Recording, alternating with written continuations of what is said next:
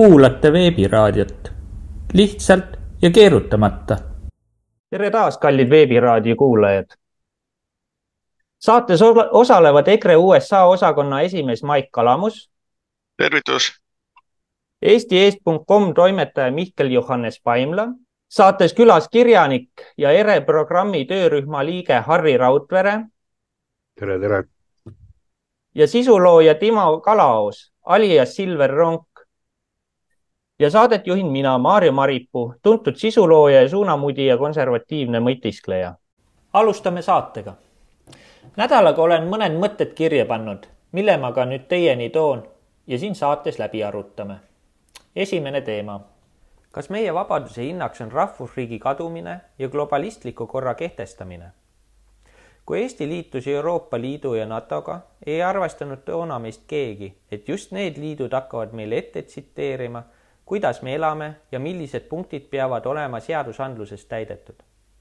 Kaja Kallas on väitnud Riigikogus, et me peame ühtima liitlaste väärtustega. üldjuhul on vallutajate puhul tavaline, et sunnitakse vallutaja väärtusi vallutatavale riigile peale. kui NATO meid kaitseb, peab ta kaitsma ka meie väärtusi ja riiki, mitte vastupidi. tekib paratamatult küsimus, kas see on NATO teadlik retoorika liikmesriikides või on see puhtal kujul Kaja Kallase oma looming globalistliku poliitika läbisurumiseks? Eestis me näeme igapäevaselt, kuidas Kaja Kallase valitsus viib ellu globalistlikku poliitikat. kuidas selline asi on üldse võimalik, sest globalistliku poliitika elluviijad on taas meie omad eestlased. teisena surutakse läbi seadus, mis samuti pole pärit Eestist, kuid kõik eestlased peavad sellega nõustuma ning seda tehakse sõjahirmus riigikogu opositsioon on muudetud formaalsuseks, teesklemaks demokraatiat. üha rohkem meenutab selline aeg tuhande üheksasaja kolmekümne üheksanda aasta baaside lepingut, kus samuti Nõukogude Liit sai ühegi pauguta okupeeritud aladel piiramatu võimu ning rahvale esitati seadusi, millega rulliti neist lihtsalt üle. kes vastu hakkas, läks Siberi või lasti sitamaja taga maha. vihakõneseadus kui piits, millega lajatatakse vastastele vihakõneseadusega muudetakse need inimesed kurjategijateks, kes pole vabatahtlikult nõus eestlastele peale surutud läänelike väärtustega.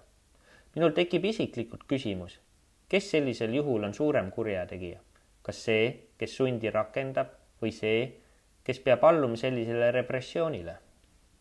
sisse importitud rassism. miks peab Eesti tundma süüd koloniaalvallutustel korda saadetud inimsusevastaste kuritegude pärast ajaloos? Eestis on orjastatud, tapetud, vägistatud, küüditatud ajalooliselt kauem, kui Aafrikast on orjasid toodud. kuidas eestlast üldse saab rassismis süüdistada? see pole rassism, kui eestlane ei ole nõus omal maal oma rahvast segama võõra rassi, kultuuri ja keelega. pigem on see oma maa ja rahva ellujäämisinstinkt. täpselt sama lugu on peale surutud homo- ja transseksuaalsuse tolereerimisega. kuulajatele võin nii palju öelda et oma vaadetega olen alati Eesti ja eestlaste poolel ning ei vali kunagi kellegi vahel, eriti mis tuleb väljaspoolt Eestit. ehk esindan seda kolmandat valikut, mida millegipärast välja kunagi ei pakuta. see on Eesti. Eesti on kahvlis ja see on fakt ning valik on tekitatud kahe halva valiku vahel. kuid kõige olulisem selle kõige juures on saavutada ühtsus, mida kahjuks antud võimul olev valitsus lõhub ja lõhestab, saavutamaks nõnda vaid oma globalistlikud eesmärgid kes ei ühti Kaja Kallase poliitikaga, tembeldatakse automaatselt putinistiks. ole sa selle juures nii eestimeelne kui tahes. kui sa uue lääne maailmakorra loomisega nõus pole, järelikult vaenlane. kuidas kommenteerite? et Harri võib täitsa vabalt alustada. ja tere, tere ka kõigile minu poolt ja, ja äh, teeme siis otsa lahti.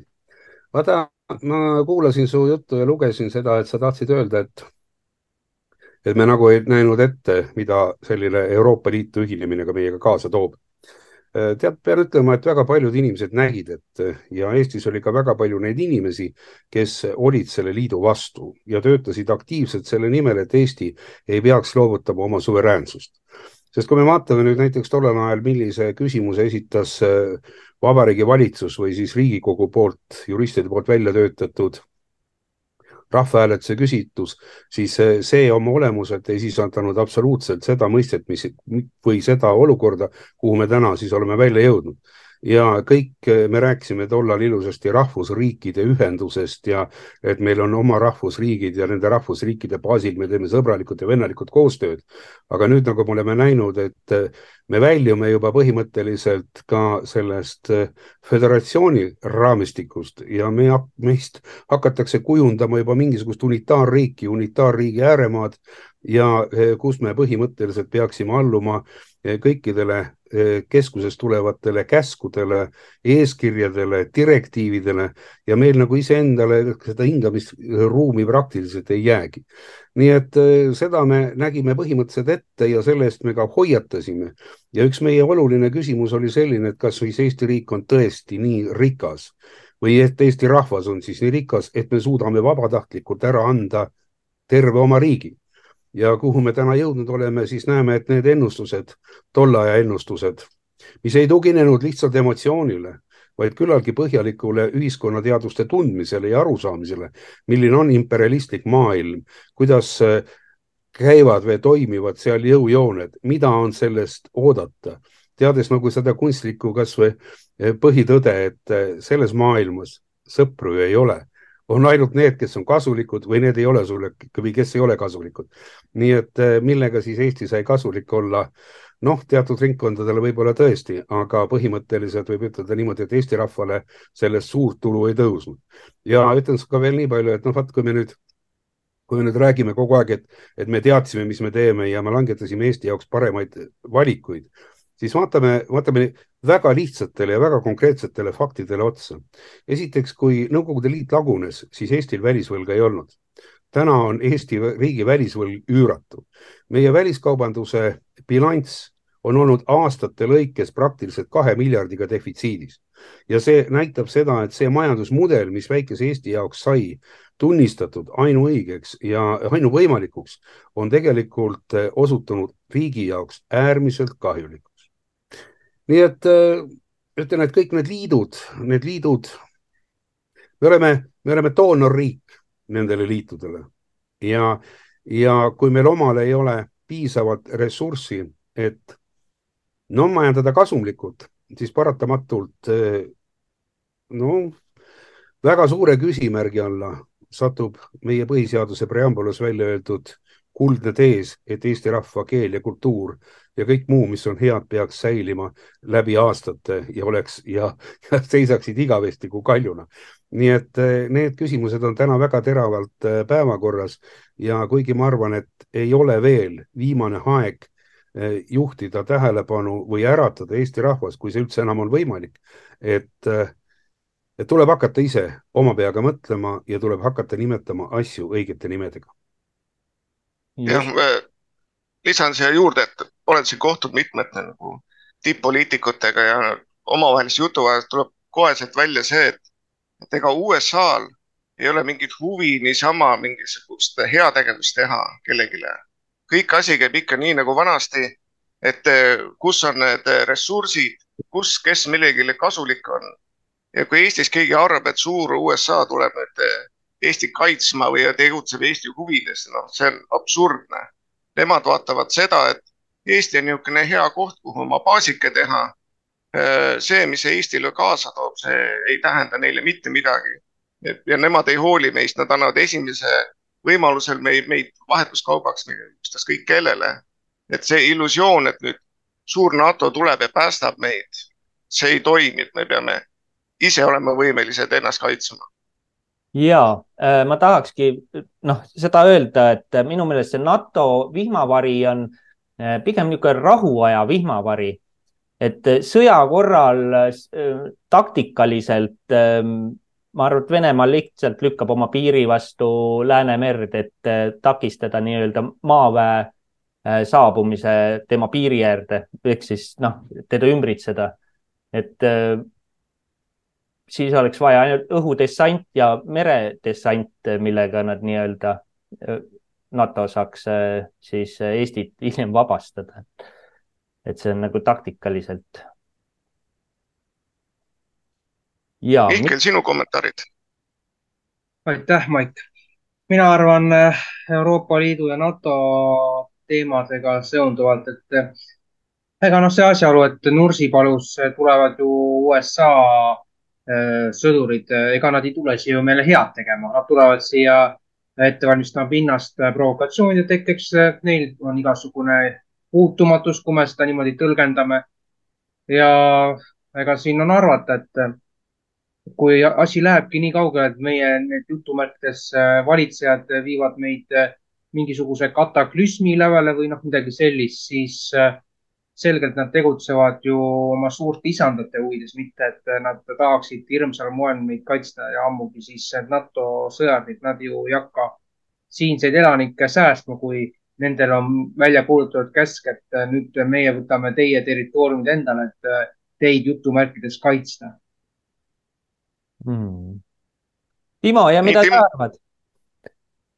tervist raske on midagi siia nagu veel lisada, Harri tegi päris hea kokkuvõtte, aga ma ütleksin seda, et ütleme selle NATO koha pealt siis nii palju, et meil on ju ette nähtud või ette kirjutatud see kaks protsenti SKT-st, mille eest me oleme siis kohustatud ostma endale pomme, tanke ja rakette, eks.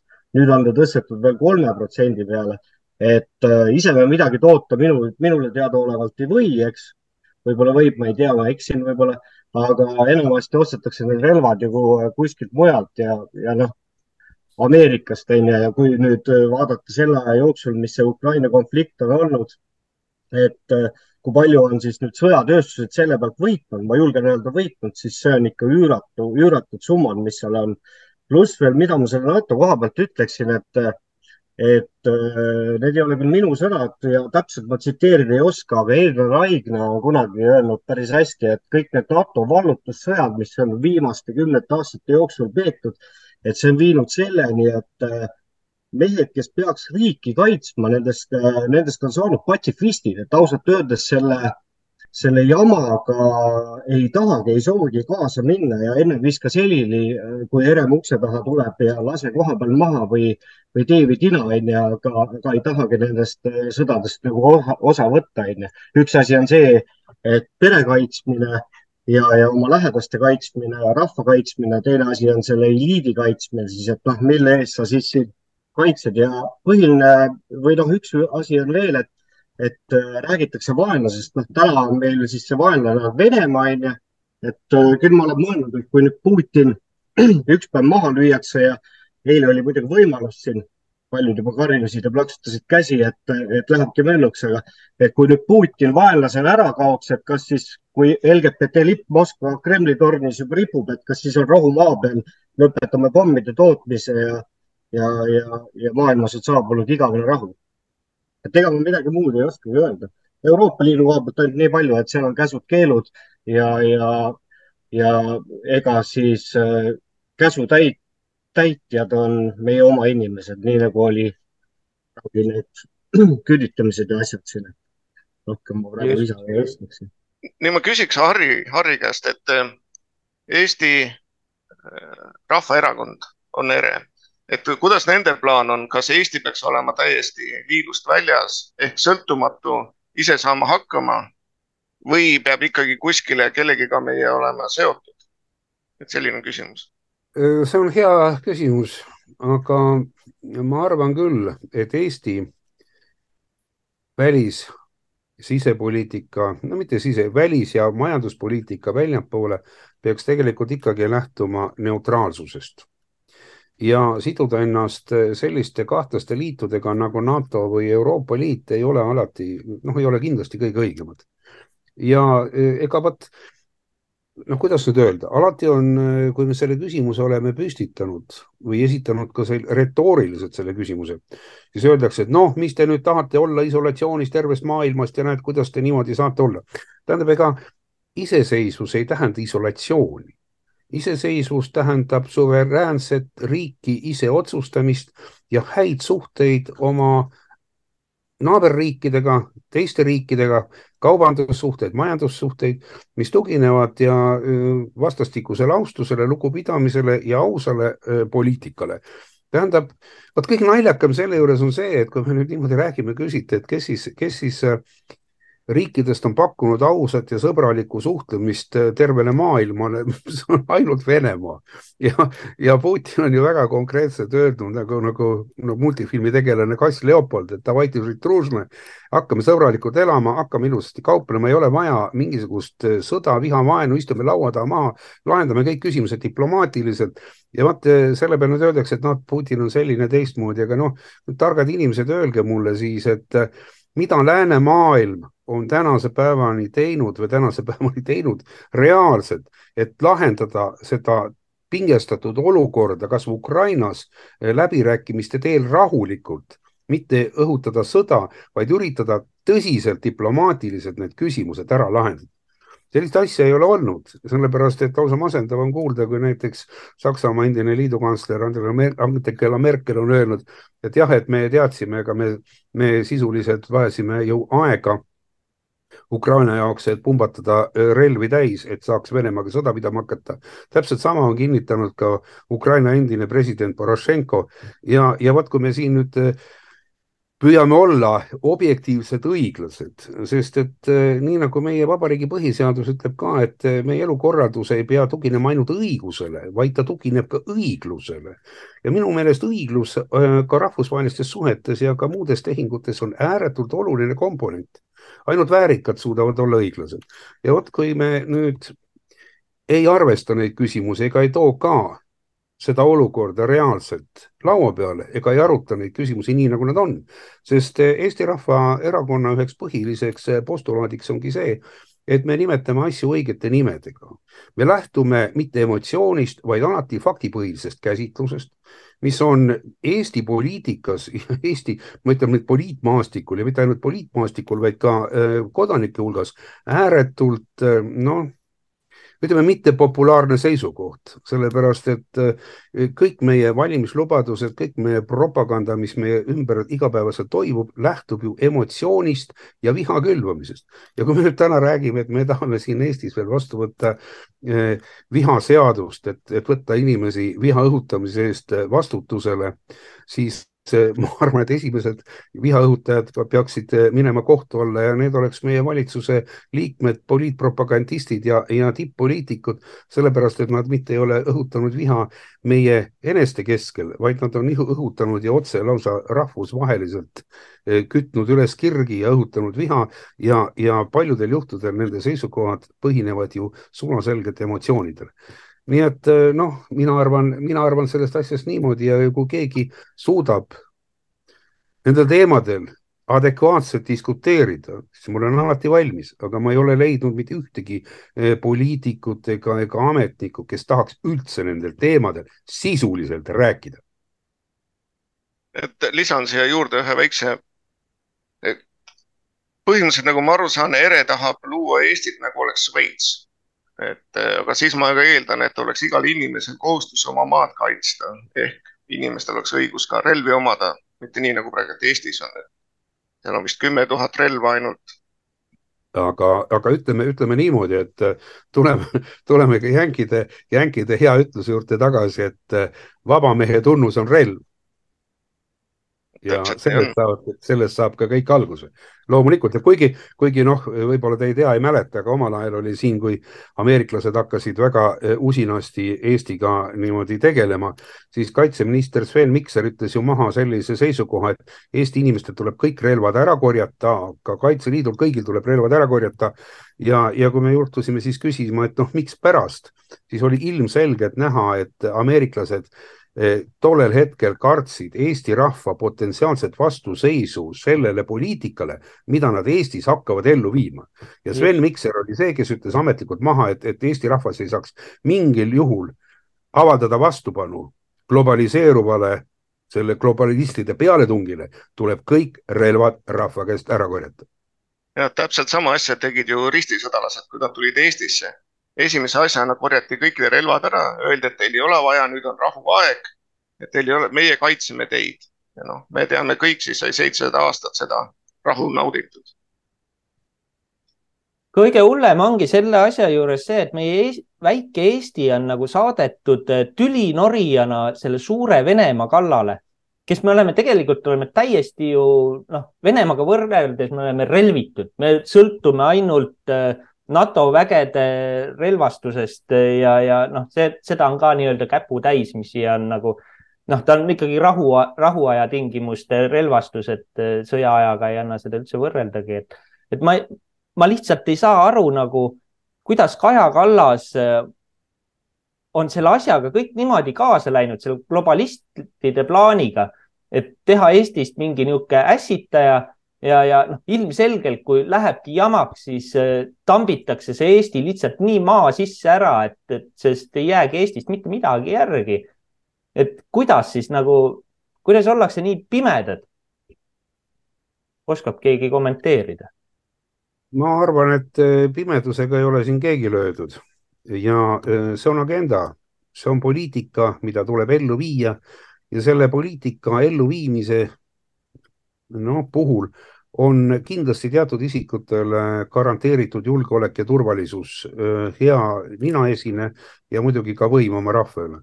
Nii et see on minu subjektiivne arvamus ja, ja ma ei näe mingit põhjust, et me peaksime seda kuidagi teistmoodi vaatama. teine asi muidugi, mis on see väga paljude inimeste juures, on seesama harimatus. ja, ja meie, meie suured Venemaa eksperdid, kes tavaliselt äh, kipuvad Venemaa suunal sõja võt-, sõna võtma ja teavad kõik, et kui sa ikka päris hästi küsid, et no kuidas sul selle vene keelega on, et kas sa ikka saad aru, mida Putin oma kõnes räägib või mida, mida nad öelnud on või mis on, noh, mis on see sõnum, mida siis öeldakse, siis öeldakse, et seda pole vaja, me sellega üldse ei tegelenud, see Putini propagandat kuulata. ma ütlen, et ma saan aru, et kui meil räägib keegi vahendaja, noh, oma emotsiooni vahendab meile oma meelsust, siis me võime öelda, et noh, see on tõesti propaganda. aga kui me kuulame informatsiooni algallikast ja originaalkeeles, olgu ta siis ükskõik, kas inglise keeles või vene keeles, siis me haritud inimestena peaksime suutma iseenda jaoks sünteesida selle maailmapildi, mis objektiivselt sünnib meie ümber jättes kõrvale kõik võib-olla need vandenõuteooriad ja ühed ja teised, eh, noh, mitte, mitte kõige helgemad nähtused, aga, aga me saame vähemalt aru, kuidas oma mõtet või, või oma tegevust suunata või millisel, millisel moel me peaksime ennast hoidma või kaitsma või ette nägema selliseid eh, protsesse, mis siin maailmas sünnivad. nii et noh, mina arvan küll, et äh, tarkust on meil vaja rahva jaoks, ühe Eesti rahva, mitte Eesti rahva, vaid ühe väikese rahva jaoks on kõige tähtsam, kõige olulisem relv tarkus. ja kui seda tarkust ei ole ja kui eneseuhkust ja eneseväärikust ei ole, siis ei ole ka mitte midagi hakata, peale hakata. sai ilusasti öeldud, et seitsesada aastat orjaaega. vaadake, kui, kui isegi koera, koeratõug harjutatakse neljakümne aastaga, siis võite ette kujutada seitsmekümne aastaga, milline meelsus või, või, või Eesti riigist välja, välja kujundatakse. samas, samas annab ka kindlasti tooni see, et kui stalinismi kuriteod Eestis õitsesid ja meie parem osa meie elanikkonnast ära küüditati, haritlased, kõrgemad sõjaväelased, äh, noh, need inimesed, kes olid praktilised, intelligentsed ja Eesti vaimu ja kultuuri kandjad, siis järele jäi ju seesama proletariaat, kes kummardas ja koogutas ja kaasa jooksis. aga mida te siis nüüd tahate saada nendest inimestest, kelle kodune kasvatus on ju põlvest põlve läinud seda teed või seda meelt, et me ei tohi seda teha, mida naabrid meist arvavad, mida me siis, mida siis teised meist arvavad, kui ma julgen oma arvamuse välja öelda. Eesti inimesel on kõige hullem, kõige suurem katsumus on äkki, äkki spontaanselt tõusta suure hulga inimeste ees püsti ja hakata rääkima. ta on nõus minema enne lõvipuuri, aga ta hoiaks parema meelega suu kinni, sest et jumal hoidku sellest, mida teised temast arvavad, kui ta oma mõtteid välja ütleb. Nii et no siin on, siin, siin on küsimusi nii palju ja, ja neid, neid probleeme tuleb kõiki vaadata kompleksselt. ja ma olen tähele ka pannud seda, et kui nüüd vaadata, noh, nüüd lähme küll natuke teemast kõrvale, aga, aga nüüd nende vaktsiinisurmad, see täpselt nagu sina, Harri, räägid, et, et vanasti noh, see nõukogu aeg, kui tuli, et siis need haritlased nii-öelda kõrvaldati. Et kui praegu vaadata, need vaktsiinisurmad on ka, et kes uskusid teadust, need sisu, sisuliselt kuulsate inimestest on pikk nimekiri, kes on sisuliselt on ära surnud ja selle just peale süstimist. Et äh, niisugune tunne, et äh, ongi jälle see nõukogude aeg ja, ja, ja see süsteem on nagu tagasi, et tapame haritlased ära ja, ja siis ongi need süsteemikuulekad lollakad äh, alles ja keda on hea juhtida. ja Maik, sa tahtsid? ja, äh, mina võin rääkida natuke nendest vaktsiini asjadest ja nendest võib veel pikalt rääkida. et et jah, mina, mina räägiksin sellest Harri asjast edasi, et, et mida eestlased saavad teha selle jaoks, et nüüd rahvas või ütleme, valitsus hakkaks kuulda võtma. mis juhtus Ameerikas? Ameerikas paar kuud tagasi tuli välja õlletootja Bud Light, tuli siis välja reklaamiga, kus transu mees, naine äh, libistab siis mõnuga seda niinimetatud redneckide jooki. mis toimus peale seda? oli see, et totaalne blokaad, see rohujuure tase, rohujuure tasandil, inimesed lihtsalt keeldusid sellest. Kohalikus Walmartiski on kasside viisi, võid tasuta võtta seda, mitte keegi ei puudu seda. nüüd on kohutav, kohutav pauk, mis on sellele Lightile tulnud. nüüd viimaste andmete järgi vist isegi üle kahekümne miljardi, mis on nende väärtus kukkunud. nüüd sama juhtus nüüd suure poeketiga Target, kus nad tõid siis LGBTQ transuriided lastele, beebidele. noh, nendel on ka seal juba vist kümme miljardit juba väärtus kukkunud. Aga täpselt sama asja saab iga eestlane teha. kui ta vaatab Telia poole, mis pani endale transuvärvid peale. sama asja tegi ka SEB, Swedbank. meil on Eestis teisi pankasid, mida kasutada et lihtsalt jalgadega näidata oma meelsust ja ära minna sealt nende juurest ja küll nad hakkavad mõtlema ja ka nende ütleme, omanikud hakkavad mõtlema, kui nende kasumid hakkavad järsult kukkuma. et, et ei, ei ole niimoodi, et mitte midagi tehakse. Ja samamoodi nagu mina siin alustasin allkirjade korjamist, et eh, Facebookis Delfi lõpetaks igasuguse fakti kontrollimise. et selle ma saan viia siia Ameerika meediasse ja teha täielikult ju Delfi naerualuseks. aga noh, praegusel hetkel vist on sada viiskümmend allkirja, et ma ei tea, mis inimesi tagasi, tagasi hoiab, kas neile tõesti meeldib see tsensuur. et nii, et variante on. ja äh, muidugi on veel teine teema, mida surutakse nii-öelda Eestile juba ammust aega peale, on rassism. et mida ma ka oma jutus äh, nii-öelda nimetasin, aga, aga see on nüüd selle nii-öelda gei foonis on nagu tagasi tõmmanud see, et, et äh, et jah, aga ma arvan, et see nüüd mingi aeg tuleb jälle tuuakse tuuakse jälle esile, et eestlased on suured rassistid ja neegrivihkajad? Ei, ma seda päris niimoodi öelda ei saaks. et, et nad on päris neegrivihkajad. eestlane on olnud eh, suhteliselt tolerantne. ja ka loomulikult nad võõrastavad, nad võõrastavad võõrast eh, kultuuri ja ja ikka inimesed kardavad neist, neid, keda ei mõisteta või kellest aru ei saada ja see on täiesti normaalne ja loomulik, see on, see on absoluutselt igal pool niimoodi. Ja, ja, ja kui me oleme siin harjunud oma keskkonnas kogu aeg, et me ümber on valged inimesed ja ühel hetkel meil on siin palju kollaseid ja, ja veidikese punaka nahatooniga inimesi ja siis meil on natukene tõmeda, tumedamaid ja meil on lausa süsimusti, siis loomulikult inimesed vaatavad nende, nende peale veidikene, ma ei ütleks, et viltu, nad vaatavad nende peale selles suhtes imelikult, et et eh, nad on teistmoodi meie harjunud ühiskonnas olema, sellepärast et nõukogude ajal me olime küllaltki, küllaltki eh, suletud eh, süsteem, kus, kus, kus meil ei olnud võimalik nendega niimoodi suhelda, aga, aga noh, näiteks ma olen ka liikunud palju ringi ja, ja ma olen, olen käinud teatud Aafrika riikides ja ja ma leian, et eh, seal ei ole ka suhtutud ju absoluutselt, eh, vähemalt minusse küll, mitte kunagi halvasti, pigem, pigem väga heatahtlikult öeldud, et Santa Claus on tulnud eh, suvepuhkust veetma. aga, aga, aga selline, selline noh, ja kui tore ja kui sa ise oled inimene, noh, normaalne inimene, vot tegelikult üks asi on see, mida ei tohi, ei tohi kunagi teha ei tohi minna oma usuga võõrasse kirikusse, võib peksa saada. vot täpselt sama on ka see, et kui tullakse siia oma kultuuriga ja hakatakse dikteerima, et meie siin kohapeal peaksime elama täpselt samamoodi, kuidas nemad on harjunud, siis ma ütleksin küll, et noh, vaadake sõbrad, ma ei ole rassist, aga see on minu kodu ja nüüd teeme niimoodi. kui te ei aktsepteeri seda, kuidas mina oma kodus elan, siis te lähete tipa-tapa oma kodu ja elate, kuidas te seal tahate ja mul ei ole mitte midagi äh, selle vastu ja, ja ei ole, ei tunne ka ennast sugugi puudutatuna. kui teie tulete mulle külla ja mina tulen teile külla, nii nagu vanasti öeldi, et joome kahe peale ära pudeli viina, läheme kumbki oma koju, aga me elame erinevates kohtades ja, ja elame täpselt nii, nagu me tahame. ma arvan, et see on absoluutselt normaalne, aga paratamatult hakkabki ju see pihta, et tulevad meie ühiskond, kas nüüd meie ühiskond, vaid ütleme, lääne ühiskond aktsepteerib selliseid asju, mida ta absoluutselt aktsepteerida ei tohiks.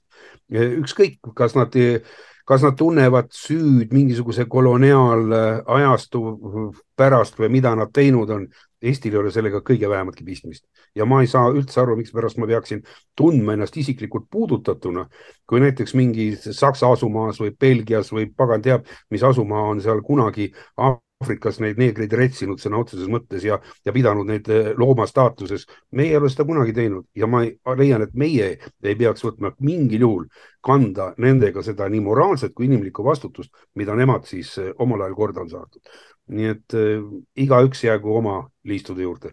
no ja vaata, siin oligi see just kas aasta või kaks tagasi oli see, kui näosaate nii-öelda meie kuulsused tundsid äh, häbi sellest, et nad olid nii-öelda neegrit mänginud ja, ja sellest tuli ka poleemika, et, äh, et see oli, noh, minu meelest see oli täiesti totrus, et mis asja, et äh, meie, eestlased, oleme ju olnud kauem orjarahvas kui need mustanahalised sealt Aafrikast, et aga noh, selles suhtes meid ei ole niimoodi ülistama hakatud millegipärast, et ootan huviga, et millal eestlasi niimoodi ülistama hakatakse, et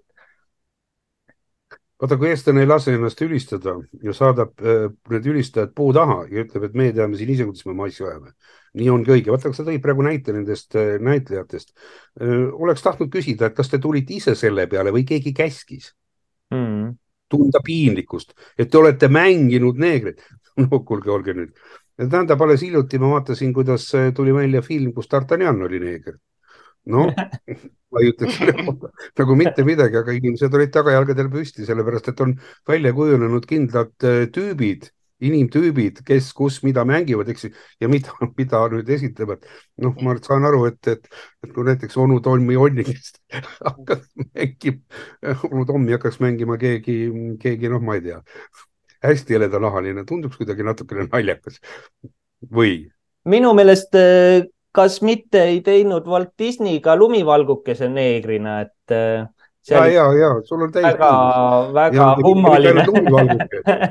mitte ainult lumivalgukega, vaid, vaid see, see nägineiu ja. ja, ja, ja, ja. nii, mul on nüüd natuke teisel teemal küsimusi mhm. Harrile, et Harri on nagu, nagu kuuldavasti ja teadavasti on nagu ekspert Venemaa suuna peal ja Putini teab Putinist rohkem kui teised kui ma ka Trumpiga kokku sain, Trump ütles, et Putin ei ole rumal inimene, vaid ta on tegelikult väga-väga tark ja mõtleb mitu käiku ette. siit tekib küsimus nüüd, mis eile juhtus. et kui ma nüüd vaatasin täna hommikuseid uudiseid, kus mitmed Ameerika tippajakirjanikud, konservatiivsed tippajakirjanikud käisid hoopis välja teise eh, variandi, mis seal toimus, et, et CIA oli see, kes pakkus siis Pirozinile eh, eh, suurt rahasummat et minna siis äh, tegema riigipööret Putini vastu või kes teavad vene, vene, venelaste hinge, siis see ei ole niisama lihtne tegelikkuses neile kiilu vahele lüüa ja, ja ka Putin on päris populaarne ikkagi Venemaa maa peal, mis iganes Eestis arvatakse sellest. et äh, räägitakse, et hoopis Putin ja Pirozin mängisid kokku, võtsid äh, vastu ameeriklaste raha ja siis selle eest tehti kakskümmend neli tundi rahvale teatrit, et äh, Harri, mis, mis on sinu arvamus sellest? No spekulatsioone on igasuguseid ja, loomulikult sellepärast, et see oli maailma üldsuse jaoks ääretult huvitav ja, ja närvekõditav sündmus oma olemuselt iseenesest. aga, aga kui olla seda protsessi kuulanud juba ja vaadanud ja järginud juba väga pikka aega, siis Prigožin, mis ta, mis ta on ütlenud või mida ta on ette heitnud eh, Venemaa kindralstaabile, kaitseministrile eh, ja kaitsejõudude peajuhatajale, ülemale, et ühesõnaga on piiratud nende inimeste võitlusvõimet tänu sellele, et nad ei ole saanud piisavalt lahki, laskemoona ja nad ei ole saanud piisavalt eh, võidelda eh, Venemaa eest, nii nagu nad on seda korduvalt rõhutanud. Eh, jah, aga sul on, sul on õigus, ma olen Trumpiga sada protsenti nõus, et Putin on ääretult tark inimene. Ja kui ükskõik milliseid spekulatsioone me võime päevavalgele tuua või, või arutada või arvestada, siis äh, alati maksab ikkagi lõpptulemus. Ja lõpptulemus on ju Venemaa jaoks täna ju lausa geniaalne. Äh, just nimelt äh, selles suhtes, et mitte midagi ei ole halvasti. suur hulk Wagneri moosekante on läinud või lähevad ka praegu jätkuvalt, lähevad Vene kaitsejõudude ridadesse. selle arvelt Vene armee ainult tugevneb ja, ja noh, ma, ma millegipärast ei usu, et see on, see on selline kokku, kokku lepitud või kokku mängitud vandenõu. aga noh, see, kuidas see küsimus lahendati eh, diplomaatiliselt eh,, noh, seda, mida me kõik nägime, võib ju tegelikult veel kord öelda, et Putin oskas väga ilusasti koos oma sõbraga Valgevene presidendi Lukašenko sellest, Ševtšenkoga sellest olukorrast äh, välja tulla ja mängida need asjad äh, väga hästi ja kavalasti enda jaoks ringi. muidugi me kunagi ei tea, mida Kremlis tehakse või mida Kremlis mõeldakse, aga need süüdistused, mis täna on esitatud äh, Venemaa kaitseministri vastu ja kindralstaabi äh, juhtkonna vastu, on tegelikult äh, päris adekvaatsed. Ja see informatsioon ei ole tulnud ainult Prigožinilt, see on tulnud ka väga paljudelt sõduritelt otse lahinguväljalt, sellepärast et me elame ikkagi informatsiooni ajastul ja, ja igasugused Telegrami kanalid ja, ja intervjuud erinevate väeosadega, erinevate inimestega jõuavad praktiliselt kõigi nendeni, kes tahavad seda informatsiooni kätte saada. ükskõik milliseid piiranguid või, või me täna siin ka Eestis teeme, on seda või, informatsiooni võimalik ammutada. ja sellepärast ma öö, olen täiesti kindel, et Venemaal sellega ei juhtunud mitte midagi ja, ja kindlasti meie öö, poliitikud ja ma julgeks öelda poliitpropagandistid üritavad sellest näha nüüd mingisugust erilist asja, kuidas Venemaa nüüd on nõrgestatud ja, ja Ukraina nüüd tuleb ja marsib nüüd ise Moskvani välja välja, no ma arvan, et see asi on pehmelt öeldes absurd. Venemaa on hästi suur, rikas ja võimas riik ja seda lihtsalt paljaste kätega ei võta. nii lihtne see asi ongi. Ja, ja kui me nüüd ütleme, et mingisugune kahekümne kilomeetri pikkune eh, sõjaväekolonn liikudes Moskva poole oleks nüüd võtnud riigis võimu ja, ja keeranud kogu süsteemi pea peale, no kuulge, andke andeks. see on, see on nagu natukene isegi Jules Verne oleks võib-olla parema stsenaariumi oskanud välja mõelda, see on natuke liiga labane. nii, Timo, sinu kommentaarid minule helistas eile üks vana kamraad. see oli õhtul kuu aeg, kui noh, ühesõnaga kõne algas nii, et noh, kuule, et lähevad, võtavad vist Putini ära. ma ei olnud uudistega üldse kursis mingi circa kakskümmend neli tundi ja, ja, ja tegi mulle siis lühitutvustuse. ma ütlesin talle, et kuule, et ma käin saunas ära, söön koogi ja, ja, ja vaatan ka siis uudistele, viskan pilgu peale ja, ja kell üheksa vaatan Prigožin keerab otsa ringi, helistasin talle tagasi, ütlesin, et kuule, et noh, sinu jutu järgi lähevad ja võtavad ju Putin ära. minu, ma olen selles mõttes Harriga nagu nõus, et eh, ma ei tea, kui pikk see kolonn oli, et noh, et nemad nüüd lähevad Putinit ära võtma. noh, muidugi sellel minu kamraadil oli, oli, oli tuju väga hea ja, ja, ja kolm tundi ilmselt, et noh, täna ta kipub ja katkub juukseid, aga mis seda Putinit ja Prigožinit ja neid asju praegu puudutab, on see, et eh, kui nüüd seda meediapilti vaadata, ega kõik vaatavad sinna, siseprobleemidest ei räägi nagu suurt keegi mitte midagi. see, kuidas meie rahva hakkamasaamine on ja kõik need asjad ja ma tooksin äh, ühe olulise asja veel välja. Need WHO ja ÜRO lepingud, mida hakatakse siin kohe-kohe vastu võtma siin, ma ei tea, kas circa aasta on, on selleks aega. Karmen Joller, teada-tuntud doktor, on, on Ameerikas koolitusel jumal teab, mida ta seal õpib, igatahes Twitteri konto järgi on, on ta teada andnud, et nüüd, kui ma tulen, siis mul on asi selge ja ma hakkan äh, valeinfo vastu võitlema.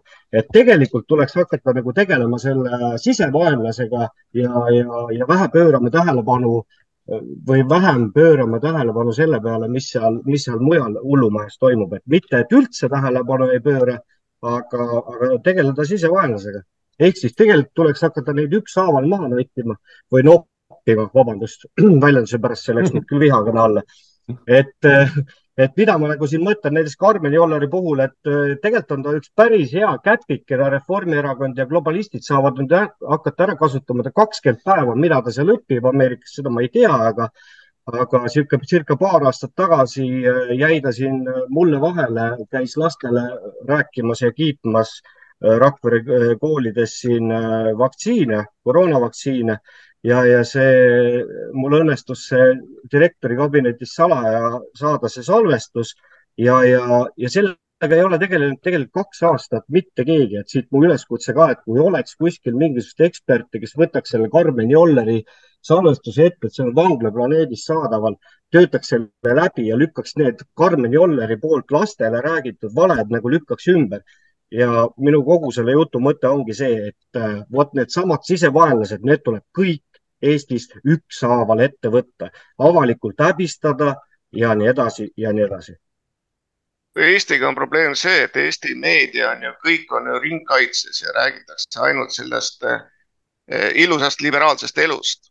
aga no mis minu, minu nagu plaanid on, on viia see rahvusvahelisele meediamaastikule need Eesti probleemid, et hakata sealtpoolt sundima Eh, seda mõjutamist, samamoodi nagu e-valimistel, et kujutate ette, kui, kui Fox Newsis räägitaks, mis tegelikult Eestis toimub, et erafirma teeb Eestis e-valimisi ja seda kontrollivad Eesti erafirma pangad ja siis meie peame lihtsalt seda lõpuks uskuma.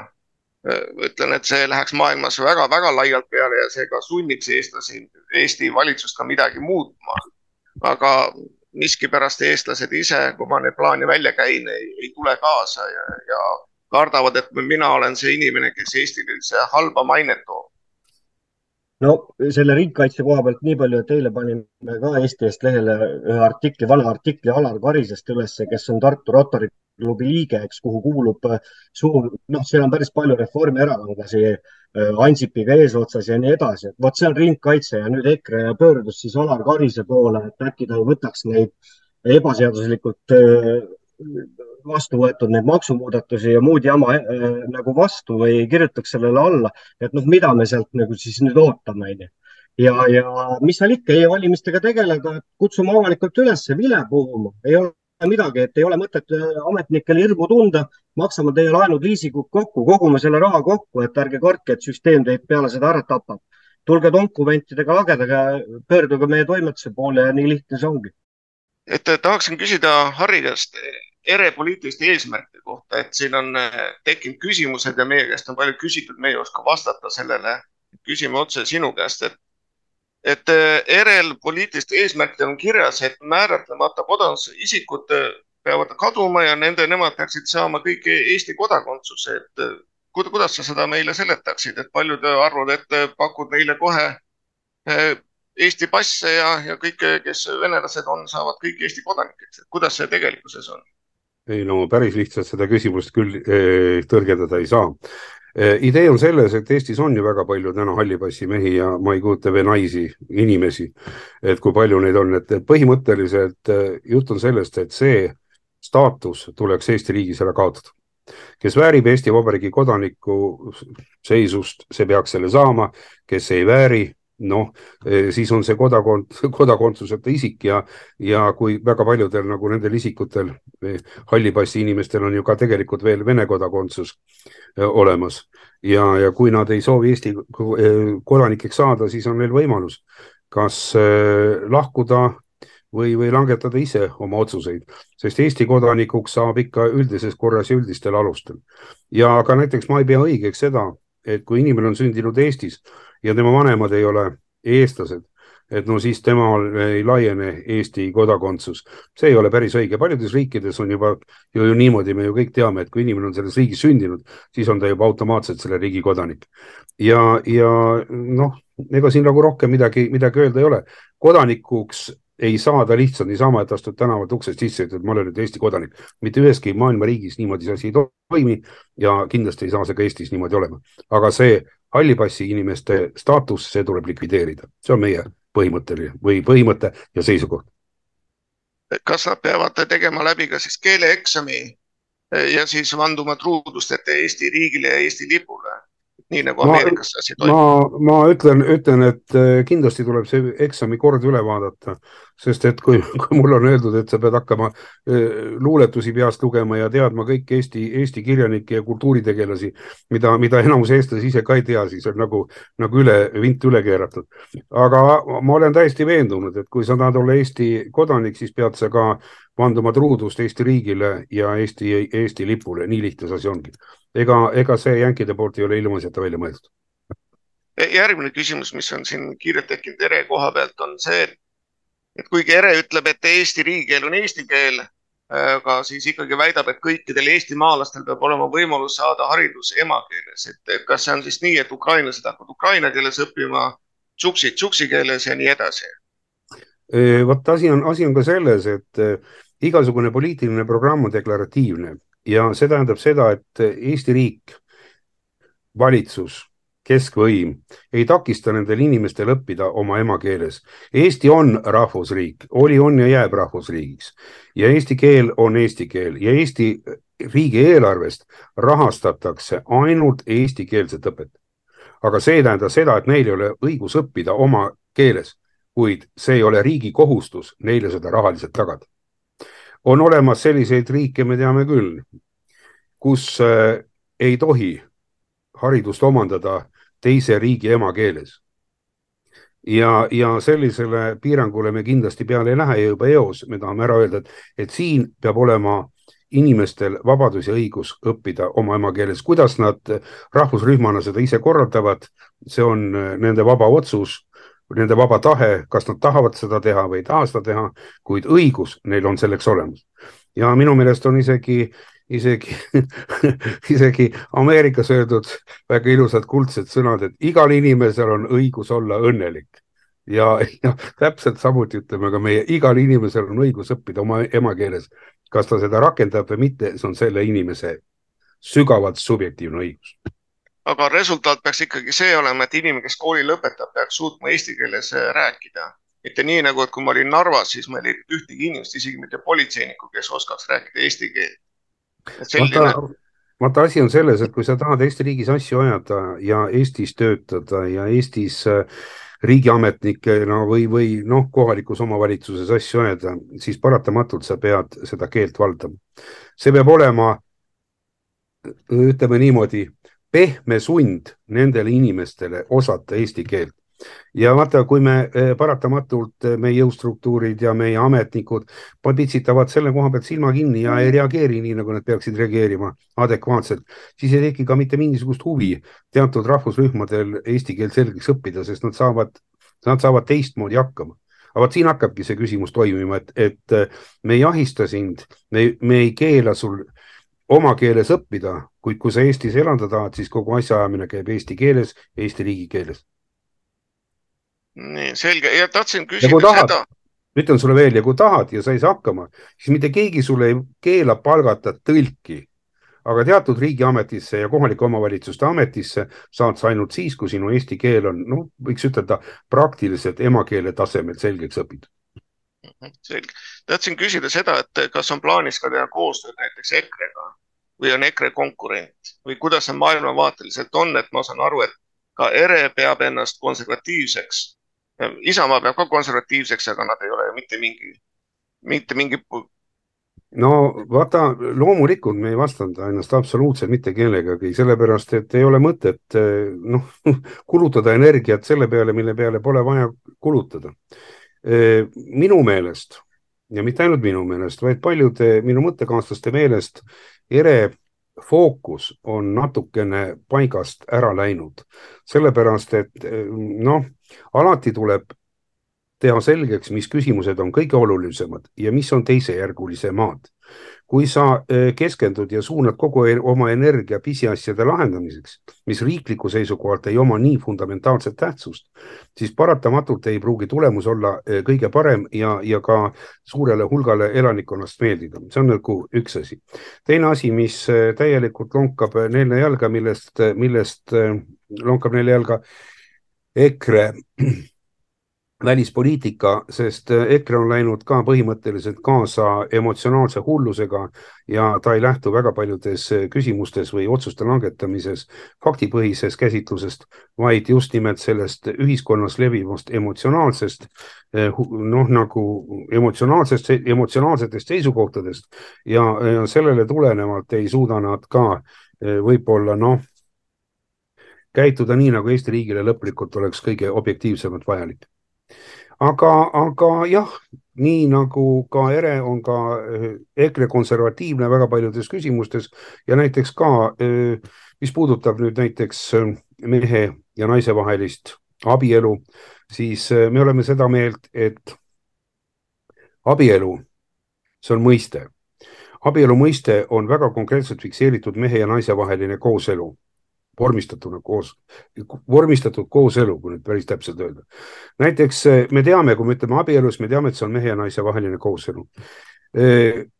toon primitiivse näite, et võib-olla saaks nagu paremini aru, et kui me õues jookseb mul kass, siis ma ütlen, et see on kass ja kõik teavad, et see on kass, mis jookseb. kui mul aia taga jookseks jõehobu ja ma näitaks sinna, et see on kass, siis ütlete, ei ole see kass, see on jõehobu. Tähendab, igal, igal mõistel on oma sisu ja, ja praegusel juhul Eesti, Eesti äh, valitsus ja liberaalsed ringkonnad tahavad hakata nüüd kassist tegema jõehobu ja hakkavad muutma abielu mõistet kui sellist.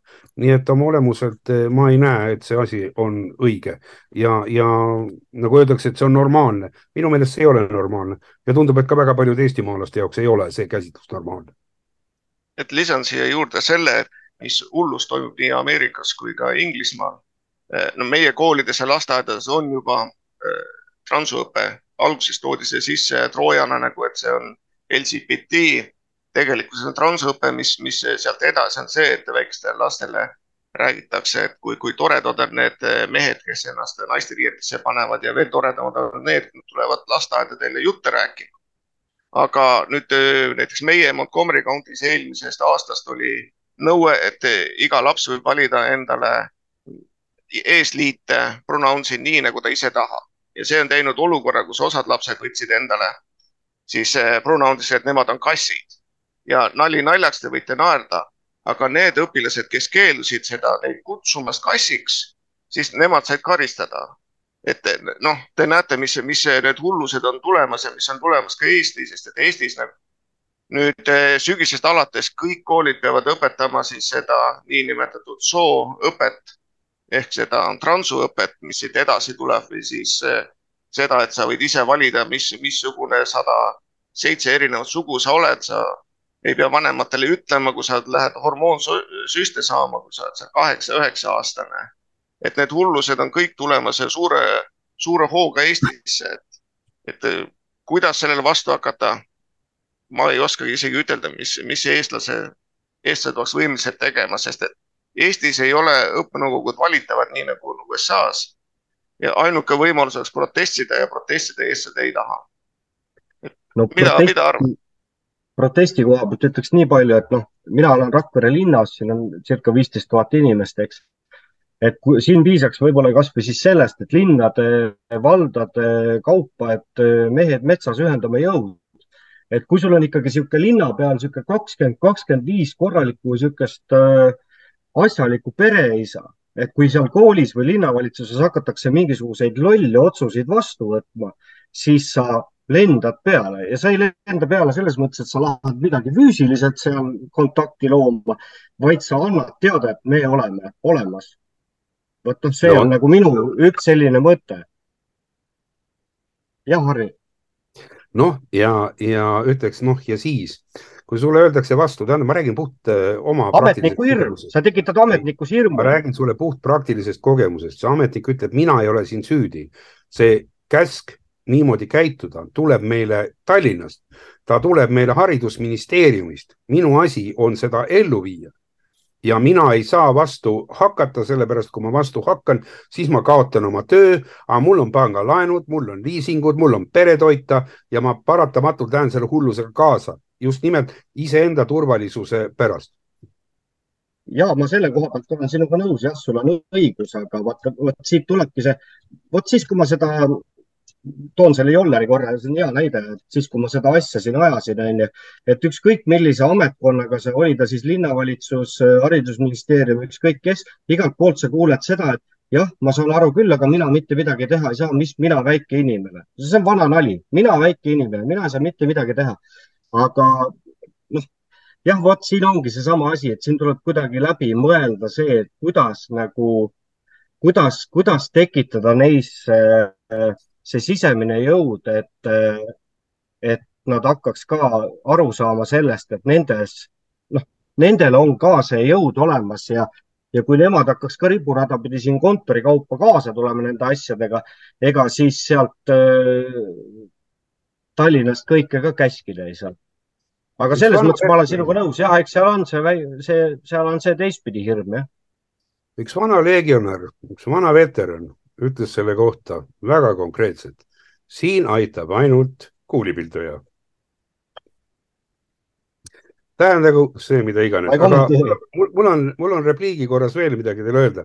vaadake, ma saan aru, mikspärast riik kehtestas omasoolist abielu. no kujutage nüüd ette pilti, kus tänaval mööda Tallinnat ja mitte ainult Tallinna tänavaid, Euroopa linnade tänavaid ja Ameerika tänavaid pidi kõnnivad lippudega inimesed, kes kõik nõuavad, karjuvad, et nad saaksid hakata riigile raha maksma kujutage ette sellest eh, uuest eh, abieluvoolust, eh, kui palju tuleb riigilõivu, et nad saaksid paari minna, kui palju tuleb mingisugust pärandusmaksu, kui palju tuleb veel jumal teab, millist, millist maksu, mida nad veel maksma hakkama peavad. kui nad tahavad lapsendada, nad peavad kindlasti mingisuguse suure summa jälle kuhugile maksma. riigi jaoks on see ju, ju nii kasulik, sest tuleb juurde uusi maksusubjekte ja nad maksavad ja kõik on õnnelikud. miks nad ei peaks, miks nad ei peaks võtma inimeste raha vastu, kes lipud käes tänaval skandeerivad, et nad tahavad riigile raha maksta? ma saan aru, see on huumori vallast, aga, aga mida sa oskad selle peale nagu tõsiselt öelda või, või tõsiseks jääda? lihtsalt probleem on selles, et meile näidatakse vikerkaarelippu ja öeldakse LGBT, tegelikkuses seal taga on ju transud ja mis see veel seal taga on ju, on pedofiilid. et ei ole saladus, et siin Ameerika eliit, kes käisid selle Epsteini saare peal, ekspresidendid käisid seal nelikümmend kolm korda, seal olid lapsed, äh, alaealised lapsed, keda siis ära kasutati seal kümneid aastaid. mitte keegi ei ole sellest veel kinni läinud. Epstein ise siis väidetavalt ise pani endale nööri kaela kindlasti aidati seda pikalt. me ei tea. Ja, ja Eestis on samamoodi, on ju Mihkelsoni juhtum on ju, kus, kus ta seal alaealisi pildistas ja, ja nüüd hakatakse inimesele, inimestele läbi selle LGBT näitama, et see ongi uus normaalsus. et no Eestisse see veel jõudnud ei ole, aga siin Ameerikas käib see täiesti, et on normaalne. kui nüüd eh, täismehed lapsendavad endale paar last nimetavad ümber selle transu eh, turvapaigaks ja siis vastavalt käivad seal igasugused seksipeod, et siin on viimastel nädalatel mitu sellist asja siin välja tulnud nii Bostonis kui, kui Las Vegases, kus just need lapsendatud lapsed on pandud üldse orjadeks. ja see on ülemaailmselt ja, ja ka teada, et Hollywood ju kõik ainult selle peal elabki. et satanism, eh, pedofiilia, need on asjad, mis meile nagu absurdid on seal juba olnud mitukümmend aastat ja, ja nad on oodanud, millal nad saavad kapist välja tulla. nii-öelda vandenõuteooria meie, meie mõistes, aga jah. E, see ei ole, see on, kusjuures vaadake ajalehtedes, siin on Ameerika ajalehti, Eestisse see ei jõua. Ameerika ajalehtedes on see kogu aeg, need lihtsalt ei jõua sinna, mida Eestis vaadatakse vist CNN-i või mis iganes jura seal vaadatakse et nendesse lihtsalt ei jõua need asjad, mis tegelikult siin juhtuvad ja mis kohutavad asjad need on ma ei tea, kas Bill Clinton, äh, ekspresident Ameerikas, kes äh, ka selle Epsteiniga seotud on olnud, et äh, mingisuguse autasu saanud on, aga Billi, Billi abikaasa Hillary on saanud Toomas Hendrik Ilvese käest allkirjastatud otsuse Maarjamaa risti esimese klassi teenetemärgi, nii et no lihtsalt niimoodi vahepalaks. ja no Eesti neid märke vist on igasugused saanud, et on nii lauljad kui pedofiilid ja kõik saavad neid ja isegi. ja kõik saavad. ja isegi Zelenskõi vist sai või jumal teab, enam ei tea, igale ühele jagatakse seda. ja Mihkel, mis sa arvad? noh, siin on nüüd päris palju asju, millest rääkida, aga ilmselt äh, praegu, kuna teemaks on see pedofiilia teema, mis nagu kirgi kütab, siis ma peatuks ennekõike sellel, et äh, ma lihtsalt äh, sain nüüd äh, Facebookis ise nagu tsensuuri, kuna julgesin seda homoseksuaalse eelnõu nimetada pedofiilia seaduseks ja noh, võtaks nüüd kinni, et, äh, et miks nagu seda tsensuuri nagu vaja oli, aga noh, tühja sellega. aga mis puudutab nüüd äh, selles osas neid pedofiiliat kui sellist, et, et meil on Eestis Kvääride ühing, mis asutati ju eelmisel aastal ja üks nendest liikmetest on ju haridus- ja teadusministri nõunik, kes hiljaaegu läbis keskkooli. et selles osas neid, kes hakkavad lapsi ja muidki asju siin tead himustama, et nendest nagu paraku puudust ei ole. aga ma veel rõhutaksin selle juures seda, et mehed peaksid nagu laste eest seisma kõike seda, aga kahjuks me teame, et kõik mehed ei ole nagu õigluse eest väljas, et nende Eesti meestegi seas on teatajaid pedofiile, noh nagu see Mihkelsoni teema on ju ja siis veel teised, kellest nagu avalikult ei räägita, aga kes kindlasti on mingite vahenditega rikastunud. ja noh, selles suhtes eks koolilastel, kes sügisel ka kooli lähevad, et karmiks läheb igal juhul, et see on ilmselge Harri, sinu kommentaarid selle loo kohta? ütleks niimoodi, et jumal tänatud, et omal enam nii väikseid lapsi ei ole, et selle teemaga nii otse peaks kokku puutuma. aga sellest on lapselapsed tulemas, olemas, sirgumas ja vot eh, põhimõtteliselt ma olen sada protsenti seda meelt, et eh, sellele hullusele tuleb käsi ette panna. tähendagu see mida iganes ja nagu öeldakse, et iga mõjule on olemas vastumõju ja kui me seda vastumõju siin riigis efektiivselt rakendame, siis ma arvan, et nad ei tahagi siia eriti tulla. aga see nõuab hoopis teistsugust ideoloogiat, hoopis teistsugust arusaamist Eesti riigi vajadustest, meie, meie ette seatud eesmärkidest ja vot selle nimel ja põhimõtteliselt see Eesti Rahva Erakond, erakond ka tegutseb. kui me nüüd vaatame, millise rünnaku alla langes Eesti Rahvaerakond eh, peavoolumeedias ja siis eh, põhiliseks, mida toodi välja, et tahavad venemeelsed ja tahavad venelastega teha ühist parteid ja ma ei tea, mis iganes, tahavad Putinit kummardada, mis on absoluutselt eh, nonsenss. sellepärast, et see oli ka ainukene, mida, millest nende mõistus üle käis, sellepärast et ühtegi teist punkti nad ei oleks saanud avalikult afišeerida sellepärast et kõik punktid, mis on Eesti ERE äh, programmilistes seisukohtades, on suunatud otse Eesti Vabariigi põhiseaduses toodud fikseeritud ülesannete täitmisele.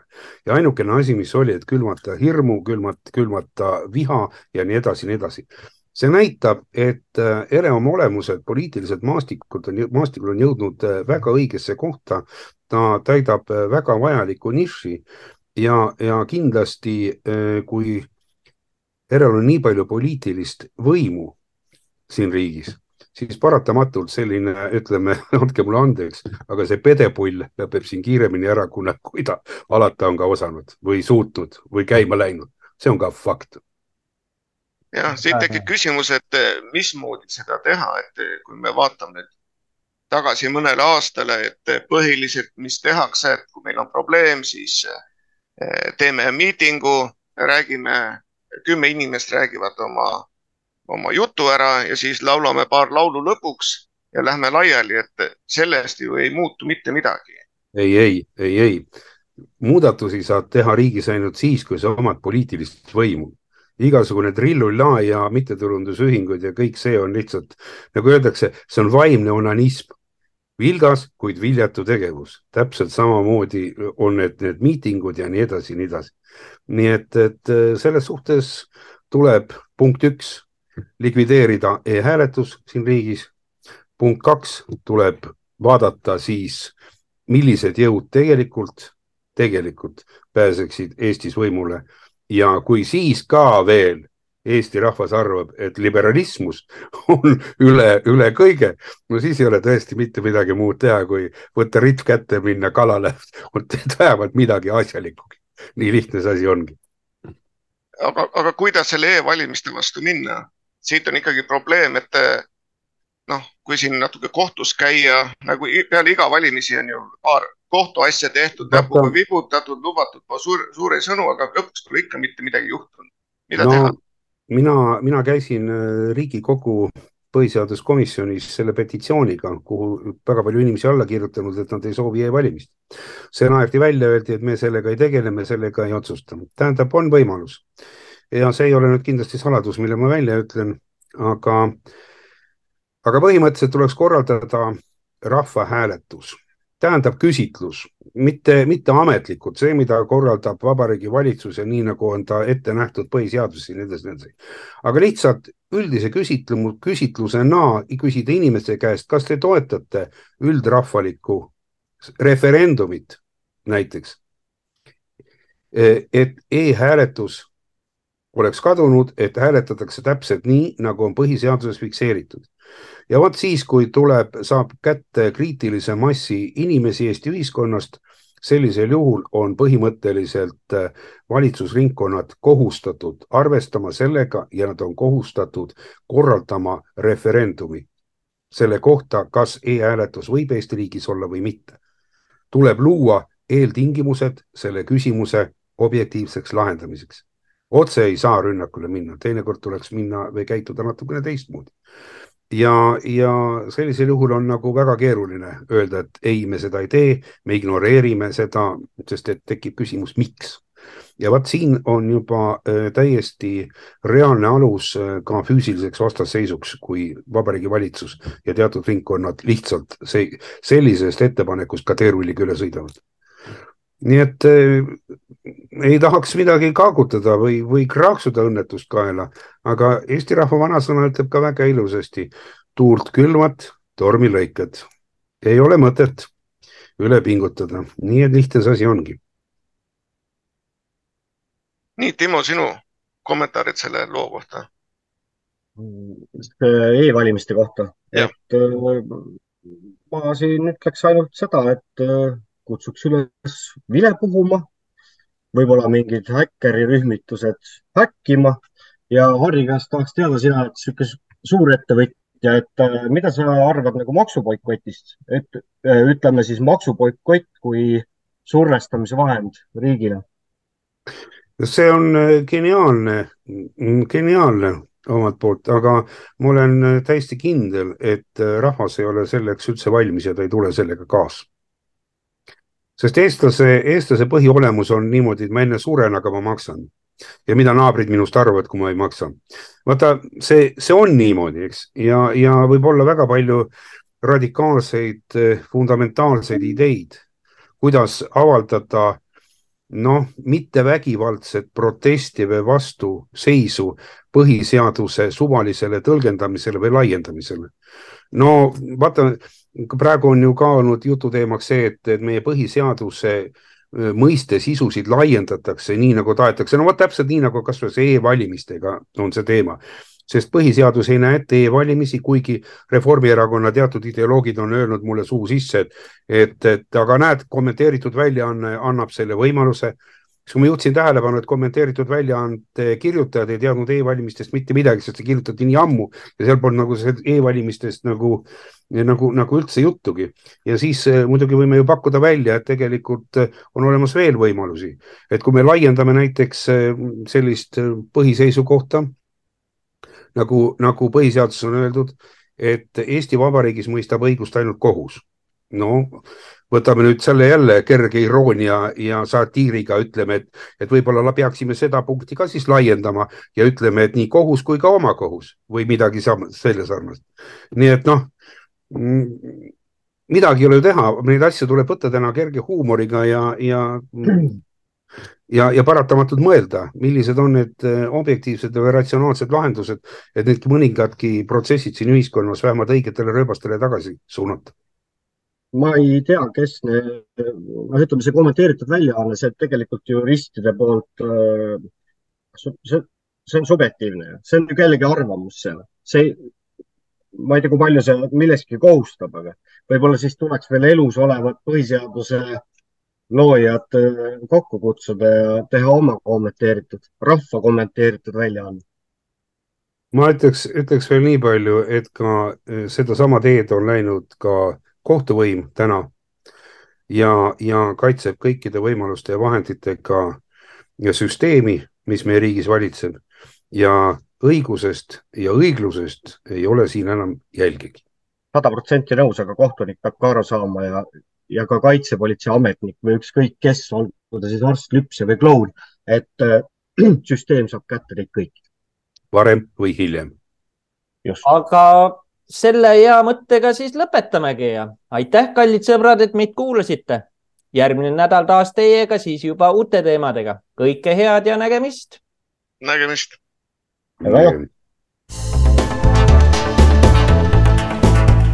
kuulasite veebiraadiot. külastage kindlasti ka meie uudisteportaali www.eesti.com